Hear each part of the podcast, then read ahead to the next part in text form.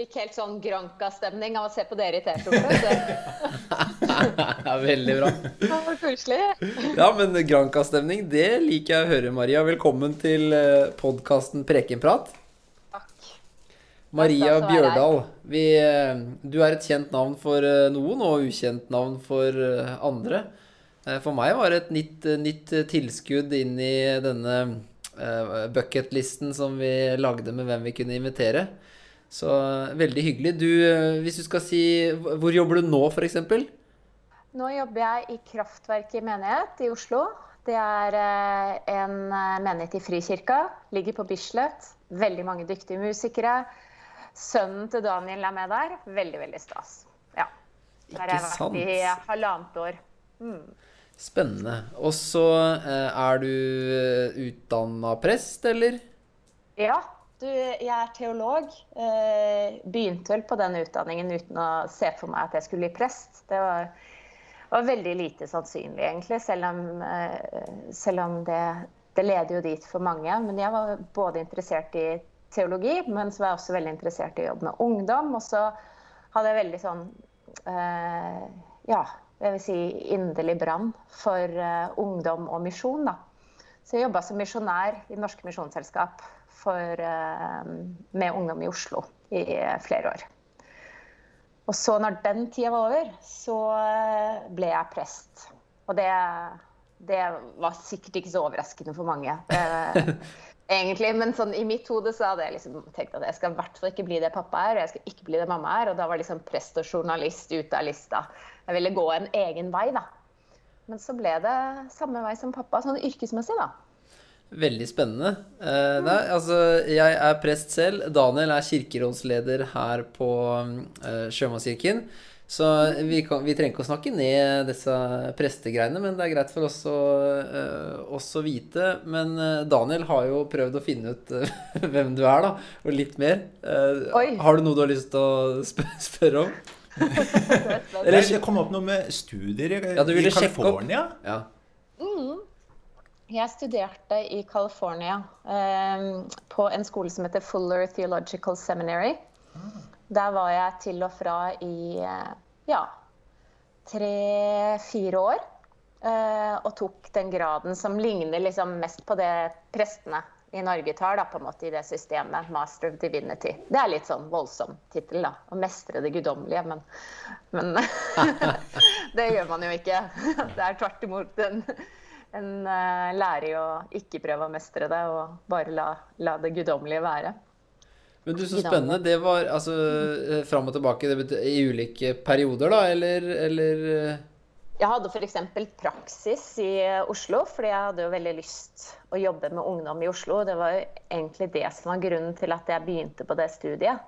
Eh, Jeg eh, var med å starte et studie på MF rett før jeg begynte der, som heter Ungdom, kultur og tro i dag òg. Bachelorgrad. Og hadde veldig, veldig lyst til å jobbe med ungdom, tro, kirke, misjon, da. Så det var en sånn formingsbevegelse. Da. Jeg lette etter hva, er liksom, hva, hva skal jeg bruke livet mitt til, hva er meningen? Og det, det var liksom den, det sporet, da.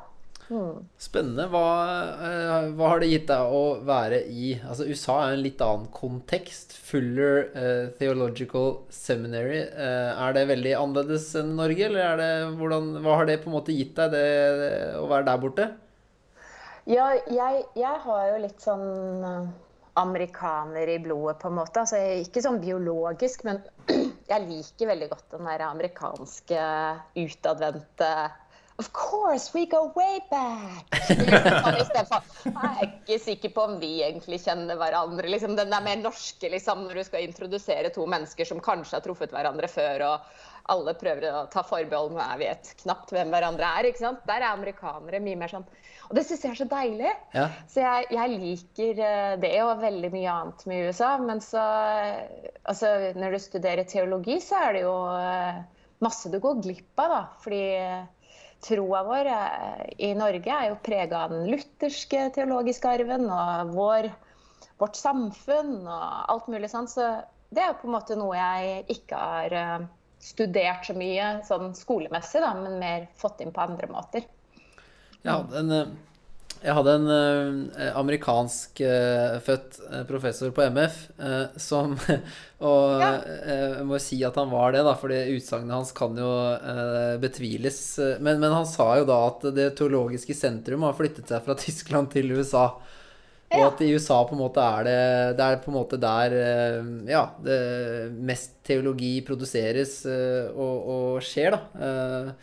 Jeg vet ikke om du reflekterte noe over det, men, men det, det, er jo mye liturgi uansett som kommer Nei, hva sa jeg? Liturgi? Det er mye teologi mm. og skriverier som kommer derfra, så det må jo ha vært spennende å liksom ha litt førstehåndskunnskap på hvordan fakultetet og liksom eh, teoriene eh, og liksom faget eh, er der borte. Ja. ja f.eks. en sånn forfatter som er blitt populær i Norge nå, Nadia Bolls Weber. Mm. Som har kommet ut to bøker av hvert fall på Vårt Land Forlag. Uh, hun tror jeg ikke jeg hørte om da jeg var på Fuller, men hun, hun tilhører veldig mange sånne hva skal vi si, stemmen hennes var veldig kjent for meg når den kom til Norge. Da. At, eh, ja, jeg syns det var mange spennende teologiske stemmer. Både sånn praktisk teologi, om hvordan, hvordan utøver vi dette, hvordan ser troen vår ut i kirka og i prekenlær og i arbeid med ungdom og sånn, men også sånn bibelteologi og, og sånt. Jeg er veldig glad for at jeg studerte der. Eh, takknemlig for de årene. Og så det jo, var det jo deilig og varmt og mye, mye, fint. Men det er veldig annerledes USA jeg studerte i, syns jeg, da. Nå eh, på begynnelsen av 2000-tallet eller midten av 2000-tallet, og det vi ser i dag, nesten 15 år senere, ikke sant. Ja, da var du i Obama-era. Eh, det er jo på en måte et litt annen tid enn det det har vært nå. Ja, eh. Da jeg bodde i USA, så var det jo eh, Kan vi velge Obama eller ikke, liksom? Kommer han til å bli valgt? Det var liksom det store spørsmålet på tampen av min tid der. Mm. Eh, du har noen andre ting på lista di du kan sjekke ut, har du ikke det? Ja. Eh, du, har, du, er ikke ukjent med podkaster? Nei. Fortell. Kulturmisjonen og Dokka ja. kom opp her, da. Ja, ja. Og det var en veldig fin samtale jeg hadde med Åste Dokka om bønn i fjor høst. Um, ja, kanskje gå litt dit med det samme. Så, eh, vi hadde en samtale om eh, bønnelivet mitt, egentlig. Eh, som ble veldig personlig for meg, fordi hun spurte meg ut om eh, det bønnefellesskapet jeg har vært en del av i nesten ti år. Det bedt tidebønn med en eh, gruppe i Oslo. Og eh, vi møttes ukentlig og, og ba sånne gammeldagse tidebønner der man leser i veksel og drakk kaffe og prata etterpå. Og så hadde hun lyst til å snakke med meg om hvordan det har forma meg, og hva bønn er for meg, og sånne type ting. Rett og slett fordi jeg sa i en annen podkast at eh, de siste ti årene har jeg ikke fått noe særlig ut av å lese kristne bøker. Jeg har fått mye mer ut av å be regelmessig og samtale med andre kristne om hva Gud gjør, og hva, hva, om troen, da. Og det, det, hadde hun jo lyst til å høre mer om, da. Det var litt kontroversielt sagt. Men det, det er i hvert fall sant for mitt liv, da at eh, det var en lang periode jeg måtte legge bort kristen litteratur for å rett og slett snakke om de som var utfordringene mine i troa og livet som var helt personlige, med andre som var villige til å være helt personlige og be. Ja. Veldig annerledes enn eh, Kulturmisjonen, da, kanskje? ja, Kulturmisjonen er jo med en litt sånn annen type podkast. Ja. Der har jeg ikke lagt uh, hjertet mitt så veldig sårbart ut, da, på samme måte som jeg gjorde um, da jeg var hos Dokka. Uh, der snakker vi ofte om bøker. Som oftest om bøker. Vi har noen ganger snakket om serier, og så har vi hatt noen sånne spesialepisoder. Hatt en om poesi en gang også. Uh, det er veldig gøy. Ja, det, ja. Jeg må bare gjenta det, jeg som er litt, uh, litt treig. Men den podkasten uh, som heter Kulturmisjon, den, den har du sammen med noen andre, ikke sant? Ja, den er eh, Arne Christian Konradsen. Han er mannen min nå, da. Vi er gifta oss og bor på Hamar sammen. Ja, dere har podkast sammen, rett og slett? ja. Ja, men det, er jo, det, jo, det passer vel bra i sånn koronatider? Slipper dere å sitte så nær hverandre? Eller nei, hva, nei, det var kanskje ikke derfor? Nei, altså det Vi Da korona kom, så var vi jo kjærester og på vei til å gifte oss, skulle jeg si. Men vi starta jo den podkasten for snart tre år siden. Eller ja, tre år siden omtrent. Og da var vi ikke kjærester. Men det ble vi på reisen, da. Men Kulturmisjonen handler jo ikke om vårt forhold eller, eller Ok, ok. okay. Nei, men det er, det er, greit du legger den død. Da, da veit vi det, men uh... Kulturvisjonen uh, handler om et sånn krysningspunkt mellom uh, bøker, litteratur, serier åndelige og trosspørsmål, åndelige spørsmål, trosspørsmål som ligger i kulturen vår, da, og troa. Så da har vi vært to prester. Ingrid Nyhus Ribe heter hun nå. Nyhus Ribe. Og Arne Kristian og meg, da. Det er Areopagos? Mm, det er de som eh, på en måte drifta det, da. Arne mm. jobba i Areopagos på den tida. Og, og, de hadde lyst til å finne en sånn kanal inn til yngre mennesker. Så det har vært veldig gøy å jobbe med. Eh, ja, Kjempespennende. Ingrid er jo litt kjent for uh, sjømannskirkefolk. Uh, for hun skriver litt i hjem, eller i nettkirken, tror jeg. Ja. Stemmer det? Ja, Ingrid er så utrolig flink til å være til stede på mange arenaer og har mye, mye fint å si om troen. Så det, jeg skjønner godt at dere har støtt på henne.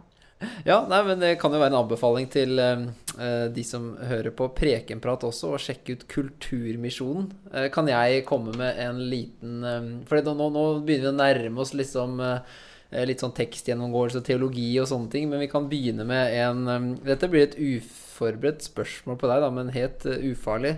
dere har en episode her hvor dere skriver at Siri Hustvedt er en favoritt blant medlemmene i redaksjonen.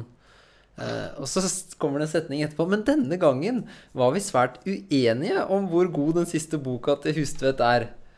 Og ja. uh, Daniel er litt glad i at dere er uenige, så ja. uh, du må, du må ja. si litt om det. fordi dere er da sant, kan, dere er, Siden dere begge er teologer og liksom er innafor liksom, kristen, liksom, innenfor kristen organisasjon og så, ja. og så på en måte Og så, ja Er likevel Daniel litt fascinert av at dere er uenige, liksom? Uenighet, eh, respekt, eh, undring. Mm. Det, det, er på en måte det, det, det, er på en måte ting som kanskje dukker opp av tanker da, i forhold til det inntrykket jeg har av deg. Ja. Vil du si noe litt om ja, I Kulturmisjonen så har jo det vært litt viktig å få fram uenighetene våre knytta til det vi leser. fordi det er jo en, vi, vi tar tak i f.eks. hvis vi Siri Hustvedts 'Drømmer om framtiden', som vi hadde, eller eh, 'Er mor død' av Vigdis Hjort, som vi hadde i høst, eller eh, ja, det, Jon Fosse, ikke sant? Så, så, har vi litt forskjellige opplevelser av det. Og noen ganger kan vi jo være veldig uenige om det er bra eller dårlig. Mm. Uh, og det tror jeg kanskje vi var den gangen. Jeg, jeg tipper jeg var mer positivt innstilt enn i hvert fall Arne. Han er litt mer kritisk leser, vil jeg si, enn meg. Um, og så uh, var det vel også det her med minner og hvor godt kan vi huske og sånn. Jeg, det er litt langt bak i Ja, det, vi valgte en langt bak, men nå var poenget litt bare det at opplevelsen er at det er ikke farlig for dere å si hva dere mener. Og det betyr jo at dere er trygge i det rommet, men det er også noe med at liksom hvis vi trekker det inn i teologi, da, og det med å på en måte liksom eh, bli presentert bibeltekster, f.eks. Altså den forskjelligheten vi er som mennesker, da, uh, og, og, være uenige. Mm, det er litt fascinerende at dere klarer å ha, skape det rommet i den podkasten deres. Uh, at dere på en måte er den dere er, og er gode venner og sånne ting. Men samtidig veldig eh, individuelle, og samtidig også veldig liksom på en måte Dere samvirker gjennom samtale, men dere, det betyr ikke at dere tenker de samme tankene høyt. Nei. Og det tenker jeg er veldig fint at du nevner det i forhold til kirka, for det er jo en stor slagside. Veldig mange av problemene kirka har, henger jo kanskje sammen med en forestilling om at for å være ett, som vi jo er kalt til, så må vi alltid være enige. Ja. Og det tenker jeg at eh, det må, det må, vi ikke. Vi kan enes om veldig mye grunnleggende i troen og være uenige om andre ting. Og så eh, håper jeg og tror at også når vi tenker oi, dette her føles veldig grunnleggende for meg, eh, så kan vi likevel, fordi vi er en del av samme skaperverk og menneskehet, og alle er like ønska av Gud, prøve å strekke oss i å forstå og tåle uenighet. da. Mm. Det, men det kan være veldig krevende. Jeg vil si at I Kulturmisjonen har jo ikke på en måte den uenigheten vært så krevende. Nei, nei jeg skjønner. Det har vært en, det har vært en god, god, eh, forskjellighet mer. Men, ja, ja. men, men med perspektivet, du Daniel? Jeg, jeg, har hørt på noen, noen episoder i Kraftverk òg, hvor, hvor, på en måte den undringen blir dratt fram som noe lagt vekt på, eller blir satt pris på, da. Mm. Og det det syns jeg er veldig fint, da.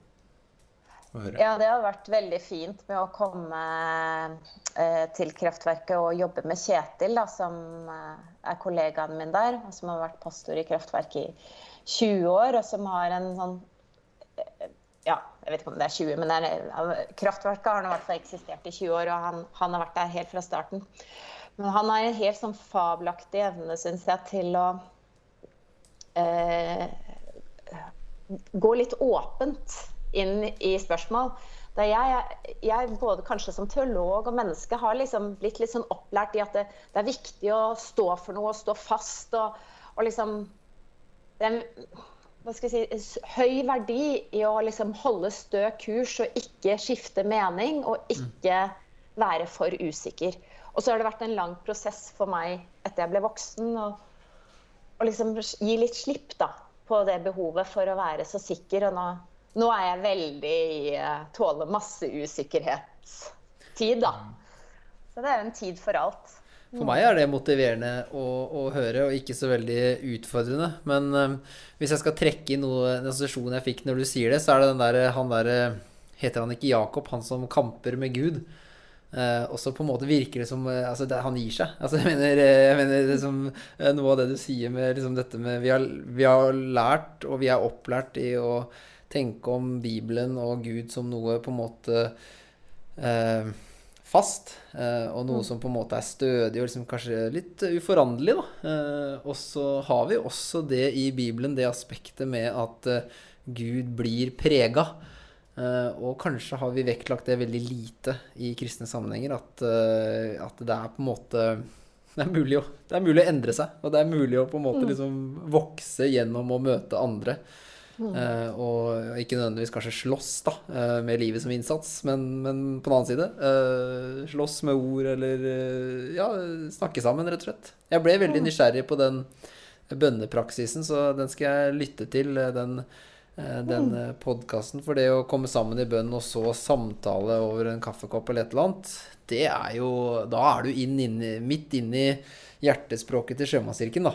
Ja, så, ikke sant. Det... Nei, men det er egentlig veldig uh, sjømannskirkeaktig, det. Fordi det vi gjorde, var jo at vi hadde en veldig kort bønn i ett rom, og så gikk vi i et annet rom liksom, og hadde kaffen. og da prata vi om eh, klesvasken som ble rosa fordi man hadde et rødt plagg i. Helt trivielle ting. Og, og, kjærlighetssorg og kjærlighetsforhåpninger. Men også om eh, Er det ikke litt rart at uh, det og det står i Bibelen og i den teksten vi nettopp ba nå? Hva tenker dere om det? Og, ja, ja.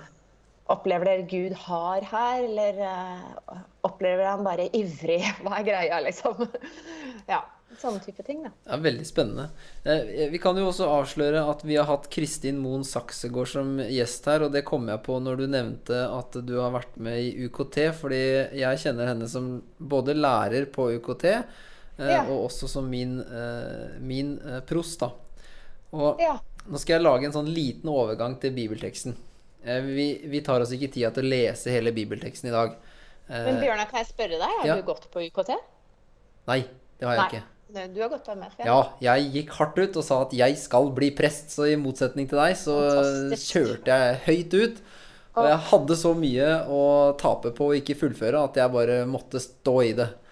Uh, nei da, det var litt flåste sagt, men uh, det var viktig for meg å begynne på prestestudiet fordi jeg hadde en forhåpning om å på en måte uh, apropos det der med andre og uenighet. Jeg hadde en forhåpning om å på en måte få litt hjelp eh, i gruppa. Og liksom jeg trengte liksom å vite hvem er det som kommer til å være her mer enn ett år. eh, mer Ja. enn to. Hvem er det jeg liksom kan Ja, hvem er det jeg kan på en måte Nå skal ikke jeg si gifte meg med, for det var noen andre jeg gifta meg med, men, men uh, Sp- Spare med, Ikke kanskje? MF. ja, ja.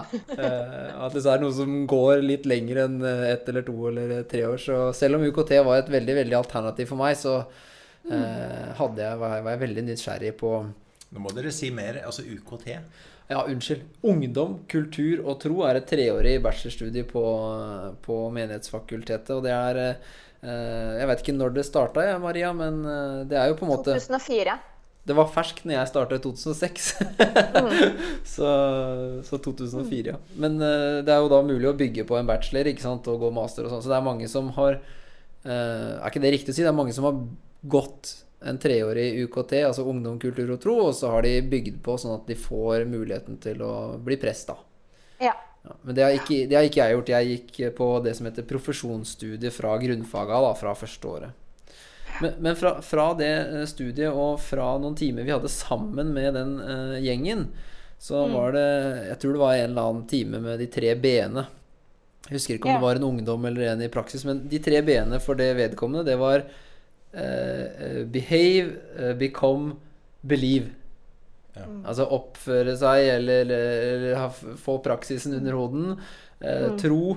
Eh, bli. Eh, eller hva man skal prøve seg på en norsk oversettelse.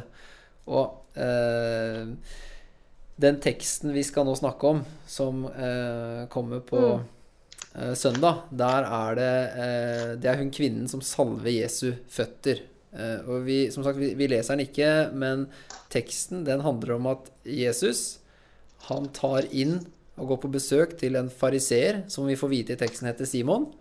Eh, og så eh, er han der, og mens han er der, så kommer det en kvinne som gråter og eh, vasker føttene til Jesus da, eh, med håret sitt. Og eh, denne alabastkrukken med fin salve. Um, og så eh, er det en liten dialog der hvor han fariseeren syns dette er litt rart, da. Um, og man får vite at denne kvinnen er ikke er på en måte ikke en som lever eh, et uh, liv sånn som fariseeren lever, uh, og har mye svinn på skogen eller har gjort mye som er syndig, da. Og så sier Jesus uh, at Hva er det han sier for noe?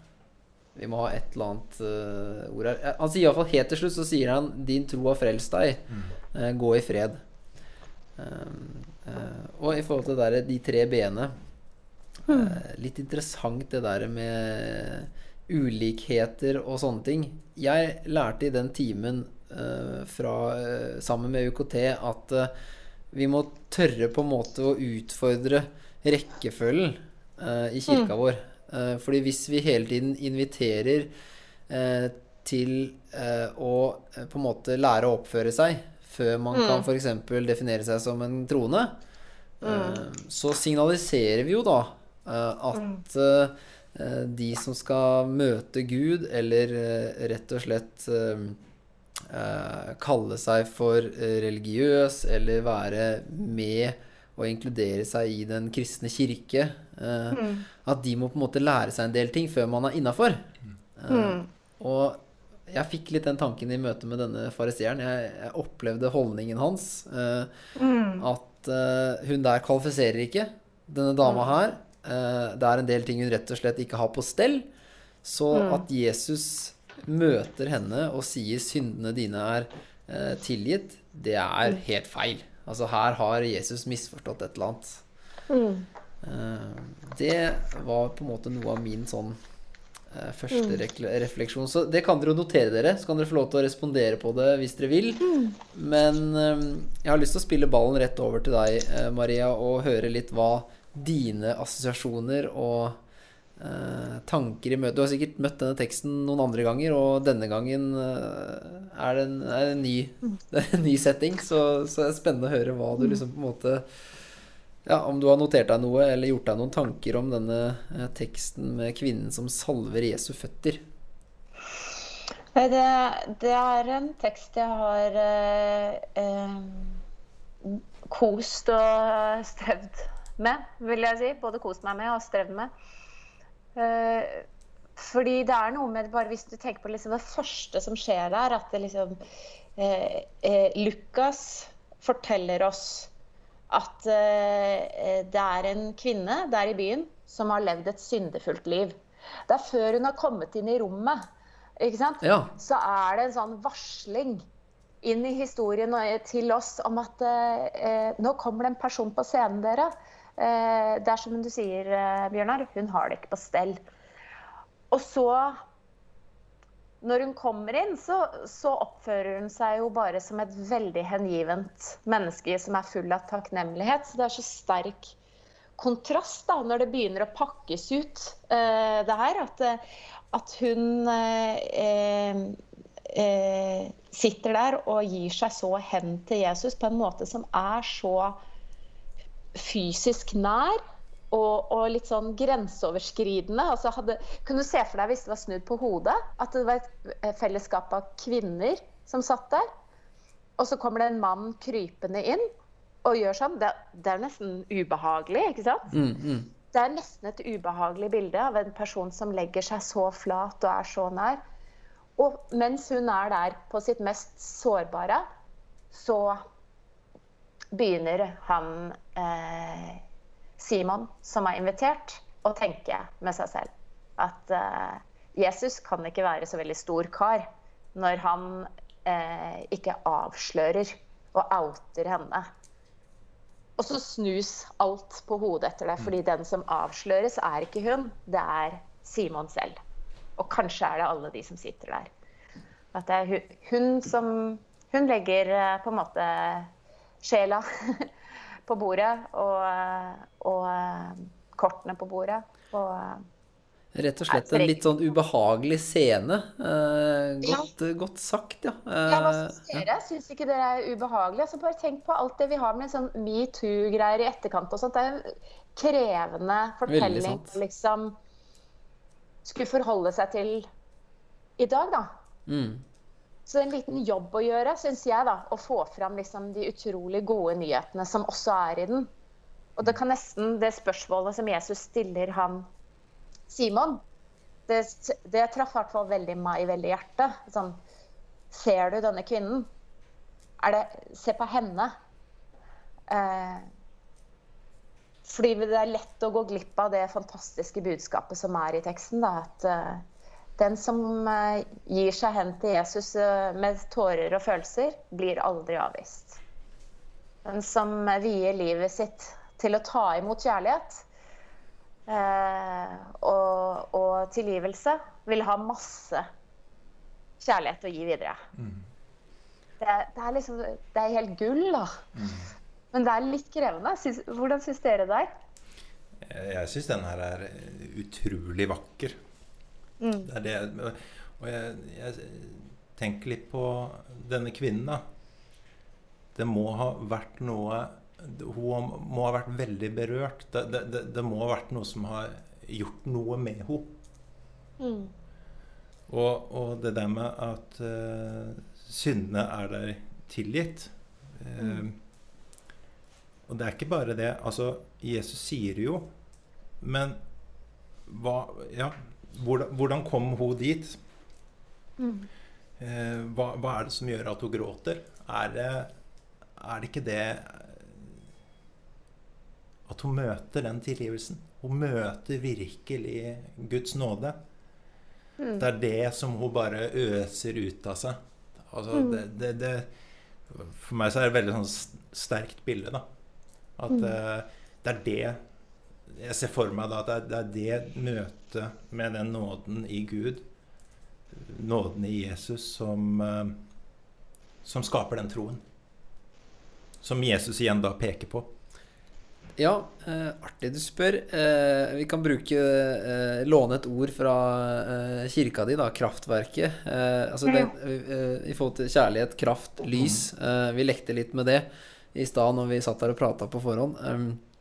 Det kan virke som om dette lyset da, av kjærlighet er så sterkt at det liksom det bare trekker på folk. Altså, altså, det er en eller annen sånn der trekkraft der som gjør at uh, tross den sinnssyke situasjonen som du beskriver eh, for denne kvinnen, så velger hun å gjøre det. Ja.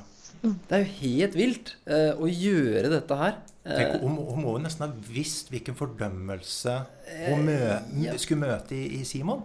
Det høres litt sånn kaldt ut. Nå var det en kvinne der i byen som levde et syndefullt liv. Eh, altså, hallo? Er det lov å si, liksom? Hadde vi tenkt, kanskje. Eh, Ja. og, så, og så har Jesus den trekkraften altså, som et slags sånn sug som bare drar henne til seg. Eh, og som på en måte rett og slett da blir de andre tingene eh, De andre tingene bare man, å- liksom. ja, eller man overvinner, eller virker som hun på en måte rett og slett bare Det, det preller av.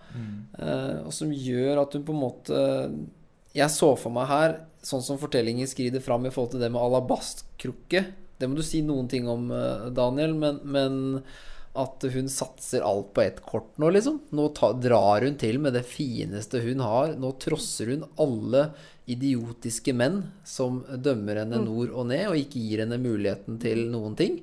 Og så tropper hun opp der, steller seg ved Jesus føtter og bare skal rett og slett bare satse alt på ett kort. Og så går det. Ja, hun oppsøker jo Jesus som er på besøk hos noen andre og spiser. Ja, ja. Altså, hun, er ikke veldig redd av seg, da. Men jeg tenker at det er noe Du, du snakka litt om foranledningen, og jeg, jeg blir litt nysgjerrig på det. Eh, Ja. jeg, jeg, jeg lurer litt på om det er noe alvorlig her. og dette med å ha levd Ja. et syndefullt liv Jeg, jeg ser for meg at nå, nå, tipp, nå går det gærent snart. Altså nå, nå er vi ved, vi er ved et kritisk punkt i denne kvinnen sitt liv. Og det er noe, det er noe mer enn bare liksom at eh, hun har lyst til å ha litt uh, status, liksom. At uh, nå har hun lyst til å liksom uh, prøve om hun kan ta innersvingen på en eller annen litt sånn kjip fariser, liksom. Det er litt det er litt mer enn det. Det det er ved et eller annet veiskille her i livet hennes, og det topper seg litt, på en måte. Det er litt min følelse. At det som ligger bak, som vi ikke nødvendigvis vet alt om, det er såpass sterkt negativt at eh, hun nå satser alt på liksom eh, ett kort, og at Jesus på en eller annen måte har gitt henne den tilliten eh, og tryggheten. Så selv om hun ikke ja, unnskyld, men selv om hun ikke ser ut som en kristen, eller ser ut som en jødisk from person, så mm, deltar hun likevel i nærheten av, av Gud. Det, det bildet setter seg hos meg. Ja, det, ja, det syns jeg er veldig fint, eh, Bjørnar. Jeg tror eh, hun var veldig modig. Men man får kanskje veldig mye mot av å eh, både være desperat, men også eh, møte det kraften eller lyset som dere beskriver da, i Jesus.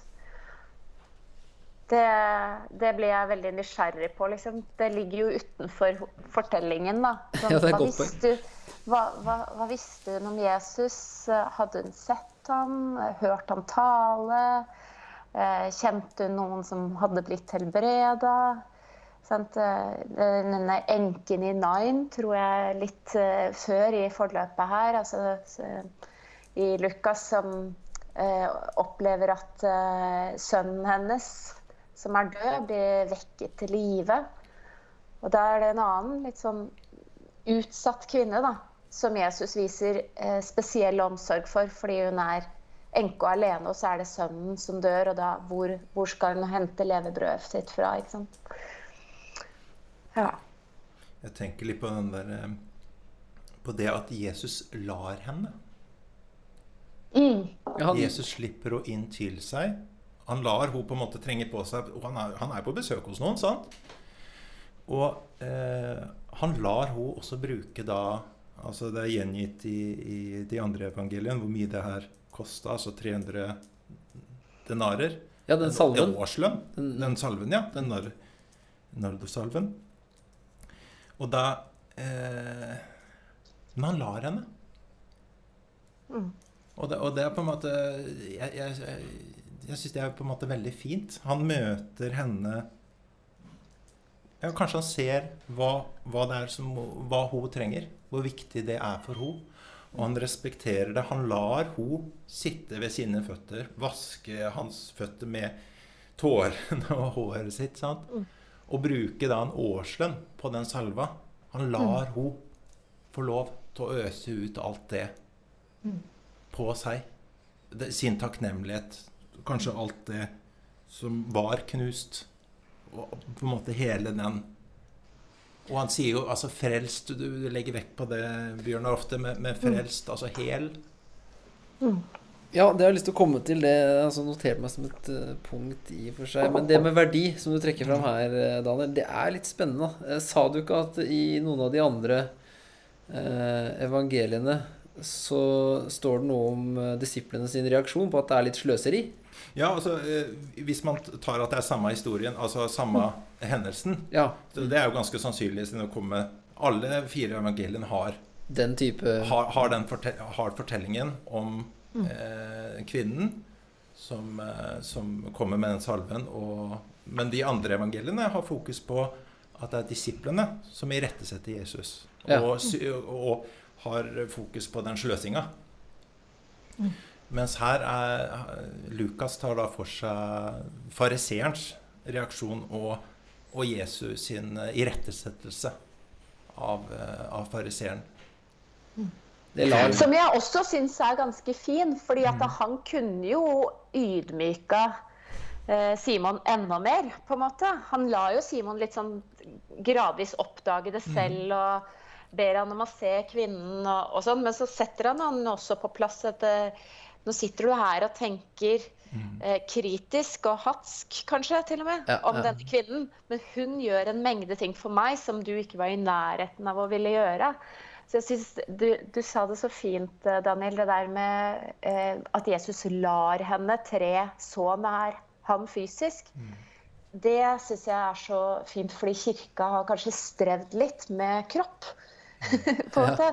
Og vi har, eh, vi har eh, en eh, lang arv med liksom ja, arvesynsforståelse av at liksom at uh, synden fester seg ekstra kraftig til alt det kroppslige, liksom. Men her er det en så fantastisk oppvurdering da, av den fysiske hengivelsen og kjærligheten. Og ja, en kvinne som bruker kroppen sin for å vise Jesus kjærlighet. Det, det er så eh, på kanten vakkert at jeg Ja, det, Det jeg har veldig lyst til å gå dit med teksten, og ikke liksom havne i det der skrekkbildet som jeg var i begynnelsen. Da. Det Ja. føler jeg er liksom invitasjonen i den teksten. Men du, da må jeg spørre om en litt sånn oppfølging til akkurat det, for det beit jeg meg merke i. At uh, for eksempel så sier Jesus ehm, hennes, han sier til, eh, han fariseeren eh, eh, Han sier til han Simon Hennes mange synder er tilgitt, derfor har hun vist så stor kjærlighet, men den som får lite tilgitt, elsker lite. Så sa han til kvinnen, syndene dine er tilgitt. Ettersom jeg leser teksten sånn tekstlig, da, er godt mulig at dette ble sagt i den gitte situasjonen, men la oss leke litt med akkurat det, det der. Hun ber aldri om tilgivelse, men hun gjør masse ting. Og det nevnte du litt på, eh, at hun bruker kroppen. Hun gjør Altså, det, det blir jeg litt nysgjerrig på. Eh, altså, eh, forskjellen mellom å gjøre og tenke, holdt jeg på å si. Altså, jeg mener, Simon blir tatt litt på det. At liksom, her sitter du og tenker dumme tanker, mens den dama her, hun gjør bare gode ting. Ja. Fra jeg kom inn denne døra, så har hun ikke stoppa med det. Ja. Nei, det, jeg tenker at det er et kjempeviktig poeng til oss i en veldig sånn verbal kirkelig tradisjon på en måte også. At eh, vi skal helst sette ord på troen. Vi har trosbekjennelse i gudstjenesten. De tilsier oss og eh, eh, er kanskje veldig opptatt av det Paulus også sier om at med munnen skal man bekjenne osv.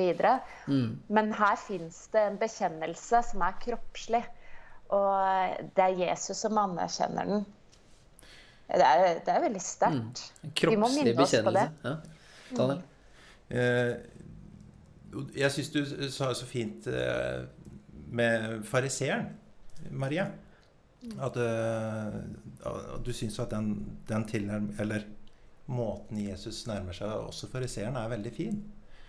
Og, og det kan jo kanskje være noe vi tenker på. Hvordan, hvordan forholder Gud seg til oss? Og sånn som jeg også leser teksten Han tar eh, Sånn som jeg ser det, så tar Jesus kvinnen på høyeste alvor med dypeste respekt. Men det gjør han også med fariseeren. Altså, han møter fariseeren. Han fokuserer uh, Fariseeren fokuserer på hva hun har gjort galt.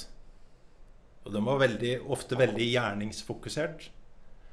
Uh, mens da svarer Jesus tilbake på hva hun da har gjort. Mm. Han svarer fariseeren som fariseer, men han tar også kvinnen på alvor med hennes tilnærming, som er da helt uten ord.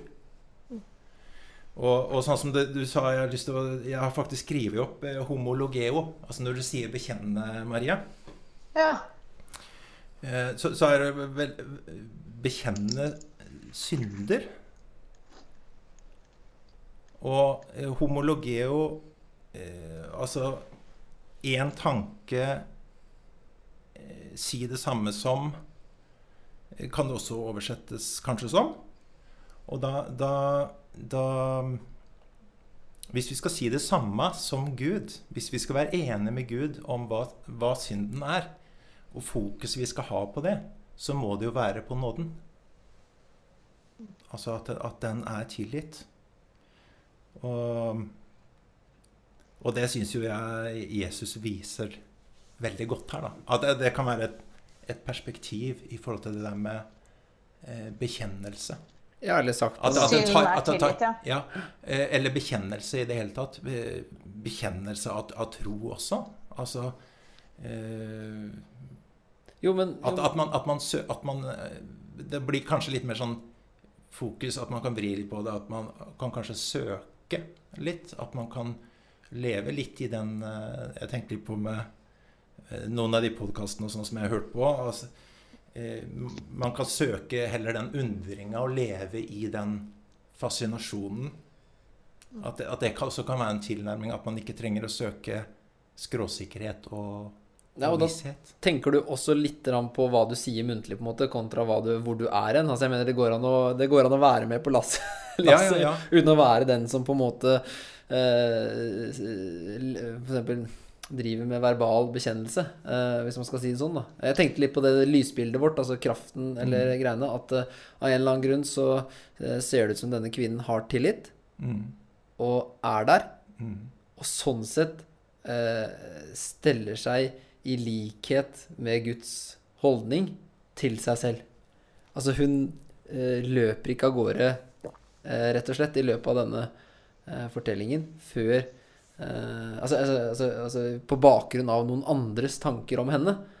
Hun identifiserer seg med altså, Ja, at hun, ja, at hun kanskje da, eh, hvis man skal bruke et annet ord enn å bekjenne, så bekjenner hun Eller homologeo. Hun er enig i Ja. Hun, tar, hun har tatt til seg nåden. Hun har tatt til seg Guds vesen, eller hun har tatt det på, på alvor. Altså hun har, har den tilliten, eller troen, da. Jeg tror hun føler seg tilgitt når hun kommer dit. Mm. var, Eh, Så for henne så er jo det Jesus sier, er på en måte Det visste hun kanskje. Ja. på en måte. Men det var en anerkjennelse å høre det i Du får i hvert fall en følelse av at hun visste det. Eh, For det er nesten det motet man tenker at det kreves å gå inn i det rommet.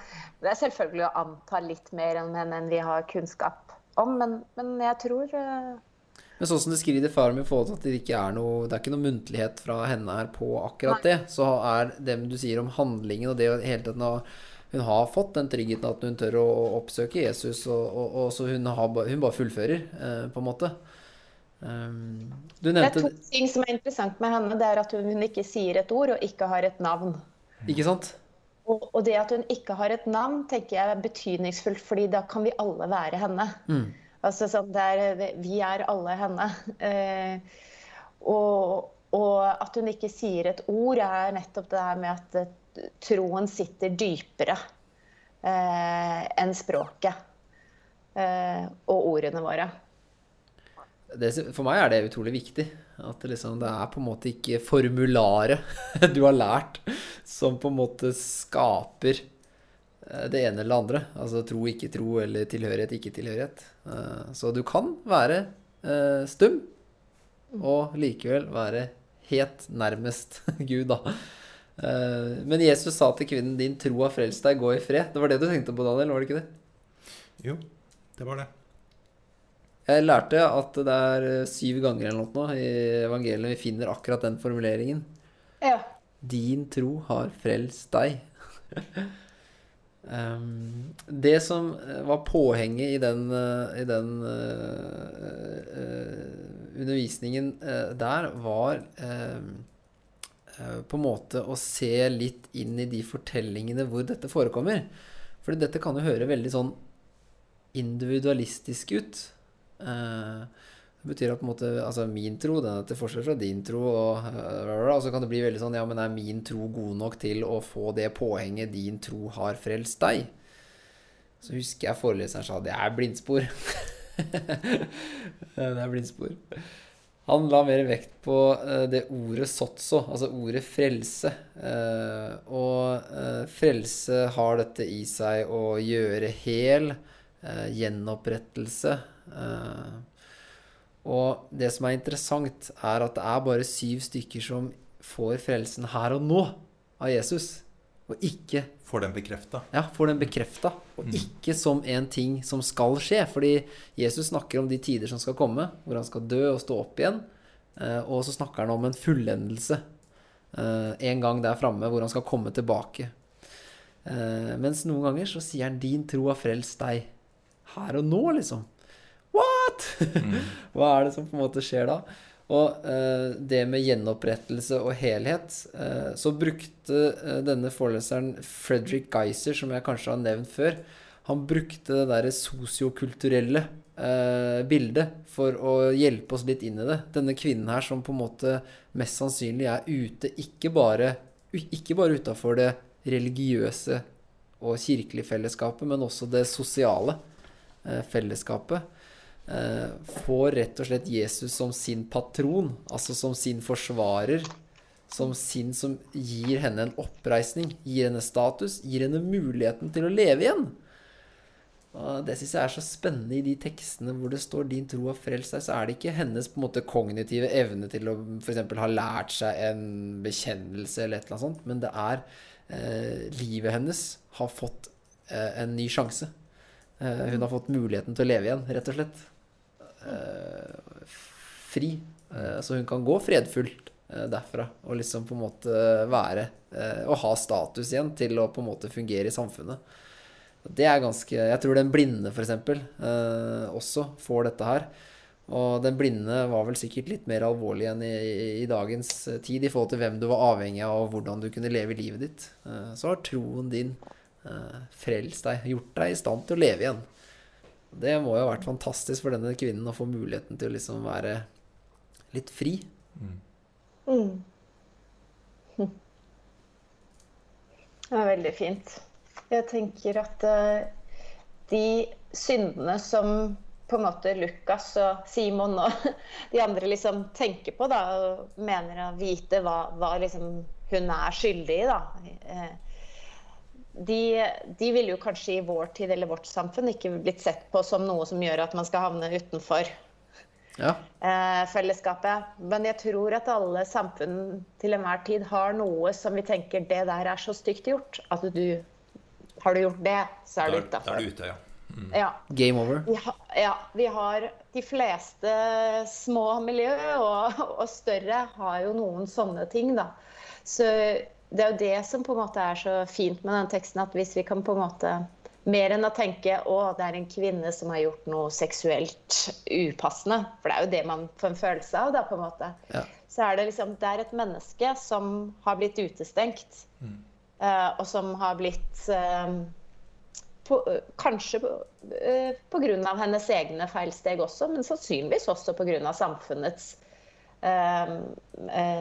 urimelige vurderinger av henne, eller skjev maktfordeling, eller mange sånne ting som spiller inn. Det er alltid mer inne i bildet. da.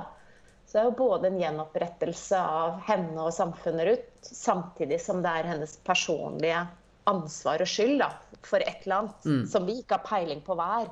Det er skjult for oss alle, eller skjult for oss. Det er jo interessant i seg sjøl, egentlig. Mm.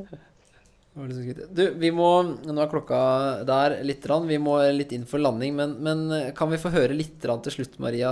Vi stilte deg som dette hva, hva, på en måte Er det noen pekefinger i teksten? Eh, og også hva er liksom håpet? Kan vi ikke, kan vi ikke avslutte med å høre deg? på en måte Du har sikkert vært innom det uh, litt, men liksom uh, Hvis vi skal på en måte prøve å liksom flytte det veldig konkret eller på en eller annen måte inn uh, til oss i dag Eh, hva er, liksom er, hva er, håpefullt? Hva er det som er så håpefullt med den teksten her? Og, altså, hvis det er et evangelium, de gode nyhetene, hva, hva For oss eh, som lever i 2021, har du mm. tenkt noe på det? Jeg tenker kanskje eh, ikke på noe pekefinger, men en invitasjon til synsbekjennelse eh, og skriftemål. Ja at eh, det er eh, eh, Altså synsbekjennelsene sies jo enten i bønnelivet eller i kirkene rundt omkring hele tiden, og vi kan melde oss på de. Og jeg, jeg syns det er eh, vanskelig å forstå seg på min personlige skyld i denne tiden. Mm. Fordi veldig, jeg syns jeg jobber veldig hardt for å være et godt menneske, hvis jeg skal være helt ærlig. Ja, ja. Eh, og, og det tror jeg mange mennesker kjenner seg igjen i. Og så liksom jobbe litt fram den der øh, grunnleggende erkjennelsen av at det, det er faktisk noen steder jeg også ikke strekker til, og noe jeg bør be om tilgivelse for. Og da er jo skriftemålet spesielt fint, fordi du kan jo gå dit og ikke vite i det hele tatt hva du skal be om tilgivelse for, eller hva du skal si. Men der ligger ordene klare, da. Og så får du høre til slutt at uh, med, eh, eh, På vår Herre Jesu Kristi ord og befaling tilsier jeg deg alle dine synders nådige forlatelse. Og så er det gå i fred. ikke sant? Så denne praksisen da, som Jesus driver med her, har jo kirka fortsatt med. At eh, gå i fred, dine synder er deg tilgitt. Mm. Det, det, er jo vårt oppdrag. Og det er kanskje det, det, jeg kjenner både for min egen del og for andres del. At det, kanskje vi skal begynne å skrifte, dere. Du, det er som en, at teksten inviterer litt og utfordrer oss litt. Det er veldig eh, spennende. Eh, vi er jo inne i fastetiden, så, så når vi på en måte har denne i fastetiden, så, så kan det være et uh, veldig, veldig godt spor. Uh, det er jeg enig med deg i, at den teksten her uh, gir en veldig god invitasjon. At det går bra å bekjenne syndene sine. rett og slett. Altså, og det er en liten øvelse. Mm. Er ikke, det er ikke noe småtteri, det. Eh, nødvendigvis. Eh, litt med tanke på den energien vi snakket om i forhold til hennes levde liv. Ikke sant? Eh, det, det, det, er jo en fin oppfordring, men det kan jo være veldig, veldig alvorlig og vanskelig for oss å gjøre. Ja, Å gå til skriftemål, tenker du på? Ja. Mm. ja. Jeg tror mange tenker at det, det, er krevende. Men jeg lurer på om kanskje man tenker at det er nesten litt krevende å be en prest om den oppmerksomheten og tiden. Ja. Eh, også. Men eh, min erfaring er at alle prester jeg har henvendt meg til, blir veldig glad for å kunne ta imot. Og, og eh, ja, nei, det jeg tror det er et vågestykke. Som du sa det med å eh, sette alt kort på én ting, liksom. Gå all in. Det, det, det kan være fint noen ganger. Veldig eh, spennende å prate med deg, Daniel, og eh, deg, Maria. Så takk for at jeg fikk eh, være med på denne praten med dere. takk sjøl. Veldig hyggelig å prate med deg og bli kjent med deg, Bjørnar. Ja. Da tror jeg rett og slett vi sier mange, mange takk eh, for denne gangen. Lykke til med alt uh, ditt, Maria.